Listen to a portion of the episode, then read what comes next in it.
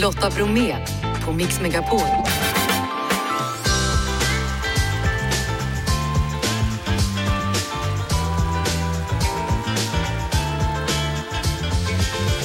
Hallå där och varmt välkommen in till oss denna onsdag. I dagens mix, Victor de Almeida hör om resan från missbruk till Youtube-kanalen Dialogiskt. Tigermyggan, har den flyttat hit eller? Vi reder ut om den fruktade insektsvarelsens vara eller icke vara. Farah Abadi hon har hur mycket som helst tv-program på gång. Vi kollar vilka. Och självklart så fortsätter vi att räkna ner Sveriges mest blandade topp 1000-lista. Varje dag mellan 9 och 19 tills vi hör nummer ett. Mix Megapol Topp 1000 är Sveriges mest blandade lista. Kul att du lyssnar. Du lyssnar på Mix Megapol. Jag heter Lotta Bromé och konstaterar att på lördag så har TV4s nya storsatsning Förrädarna premiär. Det är ett reality-mysterium där brädspel möter verklighet och en av deltagarna är deckarförfattaren Jenny Rångeby. Välkommen hit till Mix Tack Megapol. så mycket, kul att vara här. Hur skulle du beskriva Förrädarna? Oj, det är jättesvårt att beskriva. Det var nog bland det, eller det utan tvekan det märkligaste jag har gjort i hela mitt liv tror jag. Eh, nej men det är ju ett, ett eh, mm, ja, typ av murder mystery-spel som eh, är väldigt psykologiskt. Vi är 18 deltagare som fick eh, träffas i Häringe slott. Eh, vi visste ingenting eh, om varandra, vi visste inte vilka som skulle vara med an, när, ja, förrän när vi kom dit då. Och eh, sen visste vi bara reglerna, spelreglerna, mm, att någon skulle mördas varje natt och en skulle röstas ut och så. Jaha, Mm. lyckades du överleva? Ja, jag sitter ju här nu va, men eh, här, den här eh, serien då har ju blivit en jättesuccé både i USA och England. Var det så de lockade med dig i projektet? Eller? eh, ja, men de sa det i och för sig till mig, men jag, jag vet inte, det, sånt där får man ju höra lite då och då, så det tänkte jag, att ja, ja, det, så säger de ju alltid. Mm, Men sen visade de, de skickade ett avsnitt från den brittiska och den australiensiska versionen, så vi fick se. Eh, och då såg jag att ja, men det här är ju någonting annorlunda. Det är något som, som jag inte har sett i alla fall tidigare. Nej, kommer man nära de andra deltagarna eller är det så att man kan inte lita på någon? Man kan absolut inte lita på någon. Det, det är liksom hela poängen med spelet någonstans och eh, eftersom vi inte kände varandra heller. Jag hade träffat två av dem innan. Janne Josefsson och eh, Hasse Aro hade jag träffat innan men de andra eh, hade jag aldrig träffat. Eh, så vi visste ju inte så mycket om varandra och det gjorde ju att vem som helst var ju alla var misstänkta. Eh, Kunde du då använda dig av din kunskap som tidigare brottsutredare här i det här spelet? Jag hade väl önskat att jag kunde använda mig mer av det, eh, men det, det är ju det, som var lite mm, kruxet för mig, för det här handlar ju inte om en, en regelrätt brottsutredning där man liksom letar efter bevis och där det finns DNA eller man får hålla förhör med folk och så som jag gjorde i mitt tidigare jobb. Utan här skulle man ju då bara försöka lista ut vilka som var förrädare, vilka som var trogna med att bara titta på dem, vad vi gjorde. Och det går ju inte att se på någon om den personen ljuger eller inte. Nej, det är ju så. Så illa är det ju. Ja. Jag antar att du i alla fall kan använda dig av din kunskap som tidigare brottsutredare när du skriver dina böcker. Det är ju en ny bok på gång. Jajamensan, och det har jag ju naturligtvis gjort eftersom jag har, alla mina idéer ligger ju i krimgenren. Så. Ja, nu är det andra boken då i serien Medlaren som är aktuell. Vittnet heter den. Hur skulle du beskriva, vad handlar den om den här gången? Eh, ja, det här är ju en serie som skiljer sig lite från andra deckare i och med att den, den utgår från liksom själva mötet mellan brottsoffret och eh, gärningspersonen. Och eh, den här boken tar upp våld i nära relation och det har jag velat skildra utifrån barnets synvinkel. Och jag tyckte att det blev väldigt mycket otäckare när man skildrar våld utifrån ett barns synvinkel. Och, och därför vill jag skriva om det. Det är en liten flicka, femåriga Ina, som, eh, som har en pappa som är väldigt våldsam och han, hon vaknar mitt i natten av skrik i sin lägenhet och tassar upp och får se mordet på sin egen mamma. Ja du, Mm, det ligger ju tyvärr i i linje med verkligheten. Ja, tyvärr så är det ju så att det här sker ju i verkligheten. I det här fallet då så blir ju pappan dömd, han grips och döms och när Ina är 17 år så bestämmer hon sig för att konfrontera sin pappa. Hur, hur, funkar du? Liksom, har du redan börjat tänka på bok tre? Jag har redan börjat skriva på den. Hur är den då? Vad ska den handla om? Ja men det kan jag inte avslöja ännu riktigt. Nej. Därför, äh, nej, utan, nej men nu, är ju, nu har den här, vittnet har kommit ut i fredags så att, mm. Eh, den är ju helt färsk och ny. Eh, men, eh, men det är ju så här när man skriver serier, man vill inte heller att det ska gå för lång tid mellan böckerna. Så därför så är det bara att sätta igång med nästan när. Men du, den här medlaren, hur länge ska medlaren orka med allt sånt här?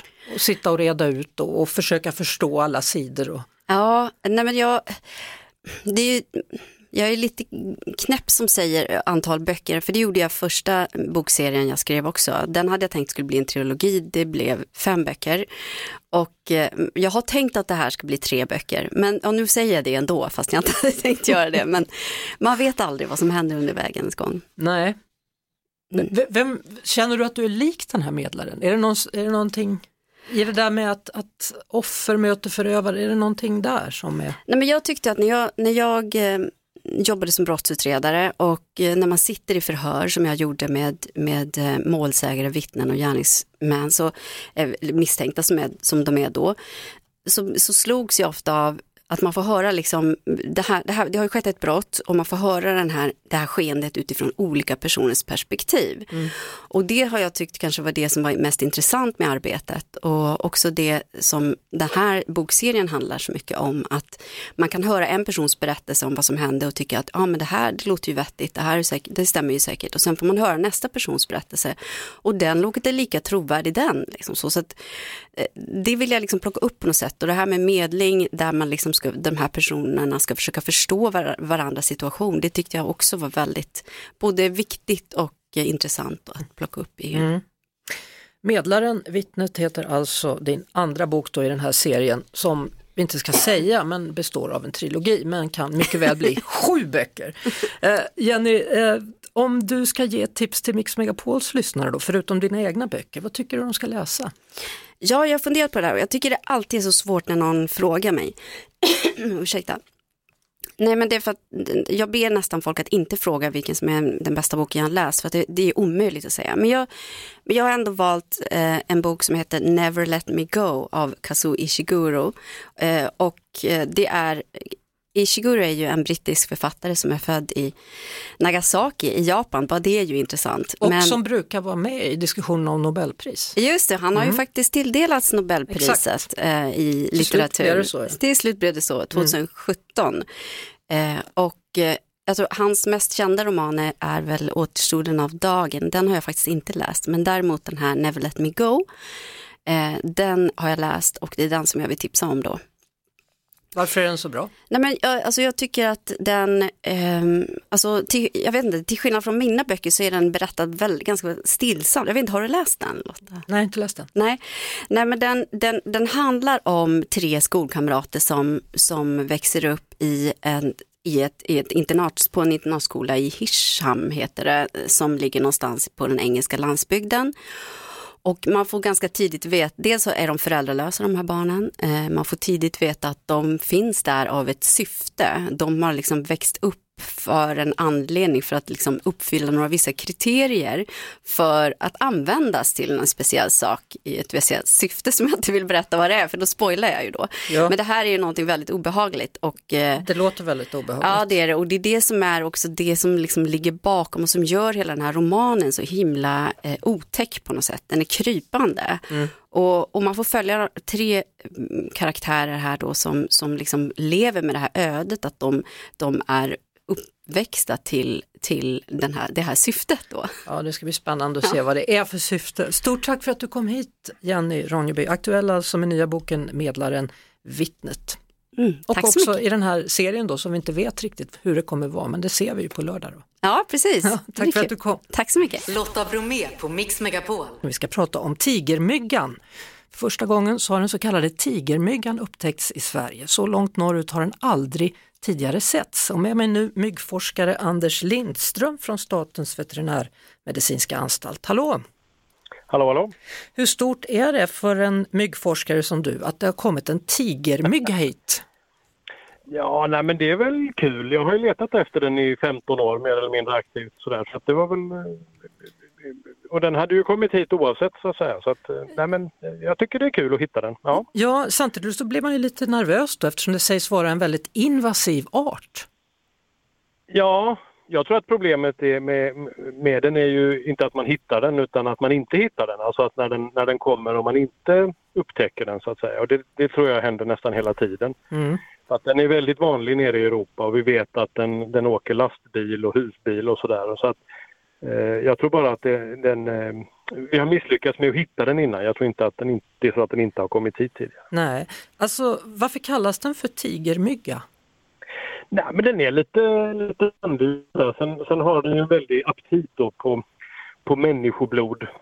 Eh, Så att eh, då, eh, den- den, hade det engelska namnet innan den fick sitt svenska namn. Så att då, då, då ska man, rekommenderas man att välja att, Men att du- använda Ja, Mm. men, men skiljer den sig från vanliga mygg eller gör det ondare eller suger den mer blod eller vad är det? Har, blev du biten när du Nej, fick den är tag på ganska den? Eller? liten men den, den är väldigt på. Alltså, Den är väldigt på är bra. Ja, Ja. och, och ehm, eh, det är många som blir bitna får, får ganska stora utslag av, Uff. av betten och sådär. Så att, eh, ja. Hur, hur kom den hit? Eh, Det var en familj som hade tagit med sig växter hem från Spanien och när de då eh, satte dem i vatten hemma så, så kläcktes det ägg som satt på plantorna. Jaha. Och då, vad tänkte de då? då eller? Nej, de förstod nog inte att det var mygg riktigt först utan de, de hade kontaktat Naturhistoriska riksmuseet bland annat och sen så, eh, så skickade de vidare till mig då. Ja. Och vad gjorde du då? Du tog med det till ditt laboratorium då tänker Ja, jag. ja, ja, precis. Men jag förstod ju nästan med en gång vad det var så att jag kontaktade den här familjen igen och sa att jag vill gärna ha den där larverna. Mm. Eh, Så sen åkte jag dit och hämtade dem och eh, tog hem till, till labbet då. Ja. Och, och, så nu har de börjat kläckas där då. Jaha. Men du, hur gör du för att de inte ska sticka iväg? Sticka iväg? Göteborg? men vi har ju dem i, i, alltså i, under säkra former i burar och sådär. Så att de, Ja, ja. Så de, sitter, de, de kommer inte åka ut? Nej, det kommer de inte göra. Nej. Så vad gör man då om man råkar få med sig något hem från utlandet, typ en mygga? Ska man anmäla det till dig då eller hur? Nej, det finns ju ingen, ingen anmälningsplikt så. På myggor? Eh, eh, nej. Nej. Eh, Men det är klart att jag är intresserad om, om man tror att man har fått med sig något speciellt och sådär. Det, det, Ja. det, det kan man ju alltid göra. Ja. ja, då vet vi. Vem vi ska Ja. kontakta om det är så, Anders Lindström från Statens veterinärmedicinska anstalt.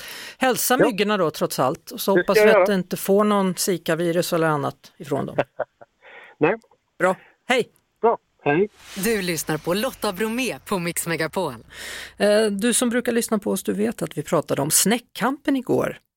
Det gör vi även idag. Med oss nu från tävlingen Snäckkampen har vi Marcus Engholm från laget Fria Republiken Mjölby. Välkommen till Mix Megapol. Tack så mycket, tack så mycket. Kan du beskriva det här konstverket som du har varit med om att skapa? Eh, absolut. Det är ju en, en, en förbättring av eh, hela den stora globaliseringen som sveper fram över, över världen med att man tar bort i princip allt annat och bara lägger ut ett stort Östergötland över världshaven. Det är så himla konstigt för att på min jordglob där är det bara ett enda stort Västergötland över hela kartan. Helt sjukt. Visst är det? Ja, men jordgubbstillverkarna gör inte rätt varje gång. Nej. Eh, vad betyder den här tävlingen för dig? Gör du? Ja, det här är ju ett fantastiskt roligt spektakel. Alltså, eh, dels att man under ett helt år på varenda loppis man går till blir fullständigt överlycklig när man hittar en skål med lösa snäckor. Eh, och så sam- samlar man på sig och så träffas vi några synnerligen eh, härliga människor och eh, eh, alltså och pysslar med limpistol och snäckor och fantiserar fram olika skapelser. Ja, det är underbart. Ja. Ja, det är, ja, Ja. Och i ditt fall då så blev det en jordglob bestående av Östra Götaland. Om jag säger så då, vad betyder Östra Götaland för dig? Eller Mjölby? Ja, äran i Ältarnas kommun. Ja, ja absolut. Eh, Ja, men det här är ju eh, lokalpatriot här med. Jag är helt ärligt sörmlänning från början men blev ju annekterad hit i åttaårsåldern. Ja. Eh, så de har fått anamma det här. Men det, det är ett vackert och härligt eh, landskap. Men som du hör, den vackraste av dialekter. eh, där vi låter lätt tappade allihop. Ja, du, idag så i veckan här nu så har man ju eh, utsett årets grynkorv. Då pratar vi Västergötland. Vad har ni som slår detta? För Boxholmsost finns ju inte längre va? Ja, det gör det. Det, det. det, finns en som har tagit upp den verksamheten. Men annars är det ju, eh, återigen måste jag naturligtvis lyfta fram Mjölby, det är ju potatis liksom. Det är potatis, ja. Det är, det, jag hoppas att du har passerat förbi här och våran vackra potatisrondell som, som för övrigt var förra årets skapelse som vi gjorde. Den har jag sett ja. Ja. Japp. ja, kära någon. Det är tur att det finns plats för alla konstverk i vår herres hage som man säger. Men, Absolut. Ja, men vad tror du nu då? För jag tycker den är ganska fin den här jordgloben ändå. Hur tror du att lag Fria Republiken Mjölbys chanser ser ut här? Tyvärr känns det som att, eh, eh att de flesta föredrar alltså lite mindre snäckskapelser. Ja. Eh, det här Gripsholmslejonet är ju outstanding kul. Ja. Eh, men eh, i våran deltävling här så är det rätt mycket små söta mindre grejer som, där som man kanske lättare plockar med sig mm. om man skulle hitta en sån på loppis. Eh, vi, vi tänker stort. Vi har gjort eh, potatisrondellen, vi har gjort franska revolutionen med Marie Antoine Sneck och sådär. Eh, vi vill göra spektakelgrejer men det kanske inte riktigt går hem i stugorna. Marie Antoine Sneck? Ja, ja. hon skulle precis bli halshuggen. Det var väldigt dramatiskt allting. Ja, verkligen.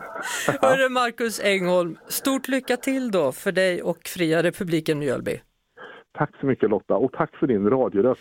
Tack så jättemycket. Mm, ha det bra. Hej. Lotta Bromé och den perfekta mixen på Mix Megapol. 14 minuter över 17 är klockan, Mix Megapol är kanalen och mitt emot mig Lotta Bromé i studion har jag nu Victor de Almeida som är youtuber, författare beroendeterapeut. Välkommen! Tack så jättemycket. Du beskriver Tack. dig själv som samhällsskildrare och driver Youtube-kanalen Dialogiskt. Hur skulle du beskriva din kanal? Wow, du sa det, som en samhällsskildring. Jag eh, har fått mycket så här kommentarer och smäll på fingrarna, speciellt eh, under eh, valåret förra året när jag hämtade Jimmy Åkesson och sådär så var det att man tyckte att jag främjade högerns framskriden. Så här. Men jag hämtar folk från vänster också och före detta kriminella musiker, alltså ja. artister och sådär. Så jag tänker så här, jag vill hämta folk från hela det här samhället och det finns gott, ont, höger, vänster, brun, svart, röd och sådär. Och jag vill bara för, så här, skildra vad, vad vi lever i för tid mm. och, och lite så. Ja, vad, vad, är det du vill beskriva? Vad lever vi egentligen i för tid? Skulle du säga? Alltså om vi tittar på den svenska samhällskroppen så, så kan jag personligen då säga att jag tycker att det, det är en oroande tid. Det är en, eh, det är en inflammerad eh, tid och då tänker jag främst på så här dödsskjutningarna som vi har ute, i, ute i, över hela landet faktiskt. Och, och, så där. och framförallt det som, som är med just den grejen kan jag känna att den har, det, det, är på en annan nivå idag. Det händer på lekplatser, eh, man skjuter rakt in i fönster på ett våningshus, man har tagit en stege, skjuter in liksom i familjehus.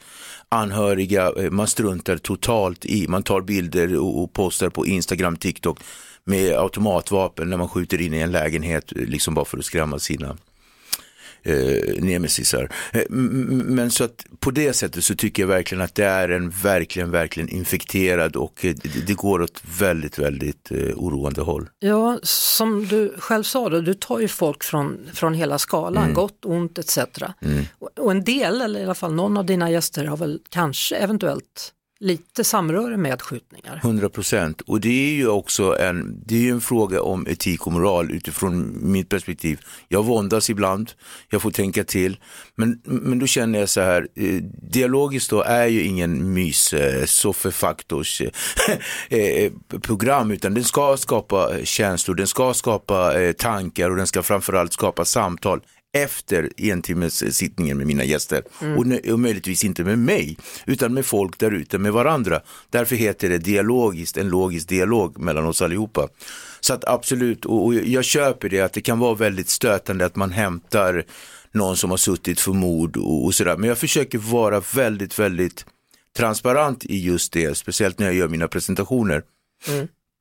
Och det var i februari 1994 som du testade heroin för första gången. Alltså, vad händer då? Eh, när jag testade eller Ja, beslutet. vad hände med ditt liv och varför? Alltså det var som, en, eh, det var som att kasta ut sig ut, ut för ett stup. eh, och eventuellt tro sig veta hur jag skulle landa, men det var en resa som jag inte var förberedd för, men som jag under tidens gång eh, blev förberedd för.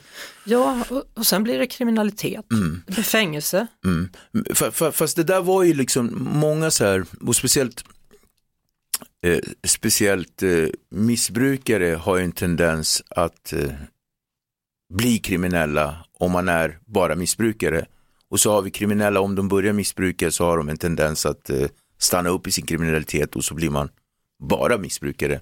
Men jag var ju ganska kriminell innan. Alltså jag var tonårskriminell, gjorde liksom smash and grab, stal bilar och sådär. Så jag var ju en liten busig prick. Men eh, när jag eh, började med heroin, då hade min kriminella kulmen nått sig väldigt högt. Så jag höll på med ganska grova brott och så. Så att det förändrades, så att det, de gick liksom hand i hand. Jag gjorde brott för att kunna finansiera mitt missbruk så att säga. Och, så, och, och hamnade på anstalter. Jag vill säga det här om anstalter, det blev ju liksom en räddning. Alla de här anstaltsvistelserna blev ju ett sätt för mig att pausas från missbruket, äta upp mig, vila upp mig och någonstans få mitt ta mitt förnuft till fånga för att inte börja igen. Men Ja, det gjorde jag inte. Va? Nej, men, men till slut gör det ju det. Va, vad är det som fick dig att ta dig ur missbruket? Många brukar fråga mig så här, eh, men Victor, vad var det som hände? Vad var det som gjorde att du till slut eh, ballade av? Och jag brukar vilja eh, ge så här, en fantastisk historia. Det är, jag vet inte om ni vet vem Nick Kershaw är, alltså, eller någon sån där gammal 80-talsmusiker som, det finns en video när han går på en gäng, äng och så säger han It never happens to me, så kommer en blixt och, och sådär. Eh, men det var faktiskt inte så, utan det var en rad händelser under hela mitt 20-åriga missbruk. Hemlösheten, sova under katak- katakomberna här i Stockholm och alla de här sprutor som man tagit på offentliga toaletter med, med missbrukare som har HIV dödsfallen, polare som jag har hittat liksom i lägenheter, folk som jag har räddat ur, ur eh, eh, överdoser, mina egna överdoser och framförallt relationen till mina barn och min familj. Det är den mest. Till slut nådde det sin kulmen. Jag brukar faktiskt säga att jag har varit i ett mörker i typ 20 år och en dag så valde jag att tända lampan och då såg jag liksom allting. Och, Men, men, men stämmer det att mamman till din dotter dog i dina armar av en Ja. överdos? Precis, och då, då hade jag, eh, nej förlåt, inte en överdos, absolut inte. Det var inte en överdos, utan det var eh, hjärtkomplikationer. Hon, hennes hjärta stannade. Och det var inte på grund av droger, utan det var på grund av en infektion i kroppen som hon hade haft fyra år tidigare, endokardit, som gjorde att hon hade hjärtklaffar som var eh, ditsatta och opererade. Så att fyra år senare så var jag med henne i Gamla stan. Jag hade varit drogfri i fyra månader. 4 juli eh, 2014. Och då gick vi en promenad i Gamla stan. Och medan vi går och det är en jättevarm sommardag så ramlar hon ihop och, och så börjar hon skaka och, och tugga fradga och jag tänkte, men vad är det som händer? Jag satte mig ner på knä, tittade på henne. Så säger hon så här till mig att det känns som att mitt hjärta håller på att gå sönder. Låter dramatiskt men det, det var faktiskt Det är klart det är dramatiskt. dramatiskt. Och jag Ja. tror aldrig jag, jag har varit med om så mycket eh, Lotta. Jag har sett människor dö framför mig, polare hoppa framför tåg. Alltså, jag har levt, tro mig. Men det här var nog det mest dramatiska och det mest, wow, det verkligen fångade mig som människa. Och det var som att, som att hela världen vändes upp och ner. Och hon tittade på mig och så faktiskt bara dog hon där. Och det var min yngsta dotters mamma och, och eh, ja, Ja. Ja, faktiskt. Det, Vi känner lite på det. Ja, vi vilar lite verkligen. det, så fortsätter vi om en stund. Med mig i studion Victor de Almeida som är youtuber, poddare, författare och beroendeterapeut och vi talade för en stund sedan om hur din dåvarande flickvän, mamman till din dotter, mm, singlade ner under en promenad, hade inget med droger att göra men hennes hjärta var slitet. mm, mm. Och det som händer där då är att du väljer inte att gå tillbaka till det som var välbekant, det vill säga tillbaka i missbruket, du hade varit ren i, i fyra månader, utan du väljer att gå framåt. Mm. Och, och, och jag tänker att jag, så här, jag har varit med om så mycket och jag var, så, jag var så klar med det gamla och jag visste det mörka och det hemska som fanns med det gamla. Trots att jag var väldigt rädd för framtiden, alltså rädd för det nya, det vanliga svenssonlivet, mötet med mina känslor och allt det här. Trots att den också var väldigt närvarande så var jag för, jag kunde inte gå tillbaka till det gamla för jag visste vad som väntade mig. Så, här, så att, eh, jag körde på och, och lite grann så här, alltid när det hände en massa grejer i mitt liv tidigare så tog jag till droger för att dämpa, slippa känna. Men den här gången så, Så gjorde du inte det? nej. Har, jag rätt när jag säger att livet har gett dig många chanser? Livet har gett mig jättemånga chanser, en hel del och jag har också fått en jättemånga så här, signs, eh, signaler eh, till att sluta under, i, emellan de här eh, chanser som jag faktiskt har fått. Eh, när du då har dina gäster och så, som vi pratade om tidigt, om vi, om vi knyter samman säcken här, Mm. Ja. vad, vad, vad tänker du, vad kan vi göra åt den här situationen som vi befinner oss i då? Wow, och det kan Det är också världens vara... största fråga. Ja men absolut och, Ja. och jag har fått den många gånger och jag vill ju inte kalla mig någon bäst vetare av sådana saker men jag har en, en, ett hum någonstans som inte är någonting nytt heller. Det har myntats flera gånger. Det är att vi börjar från roten. Vi, vi förebygger. Alltså vi kan inte sluta förebygga med ungdomar. Så här, tjatet om fritidsgårdarna som håller på att läggs ner och resurserna som läggs på helt fel saker. Eh, och sådär. Och jag jobbar ju med unga människor, unga vuxna och de, den åldersgruppen som jag jobbar med är ju 18 till, eh, 18 till 25. Jag skulle vilja att vi jobbar mer febrilt med här, Ännu yngre? Är du ännu där? yngre, Mm. sexårsverksamheten. Den här, eh, liksom, alltså verkligen, för det är skrämmande nog, jag, jag, jag är, på min tid så, här, så, så var det att man, den här kriminella fasen, en av de kriminella faserna började visa sig, så, så här, det finns förtidig fas, sen finns det tidig kriminell fas, avancerad fas och utbränd fas. Den avancerade fasen, där man är liksom bankrånare, vapenbrott och liksom har lite den här Clark Olofsson-grejen.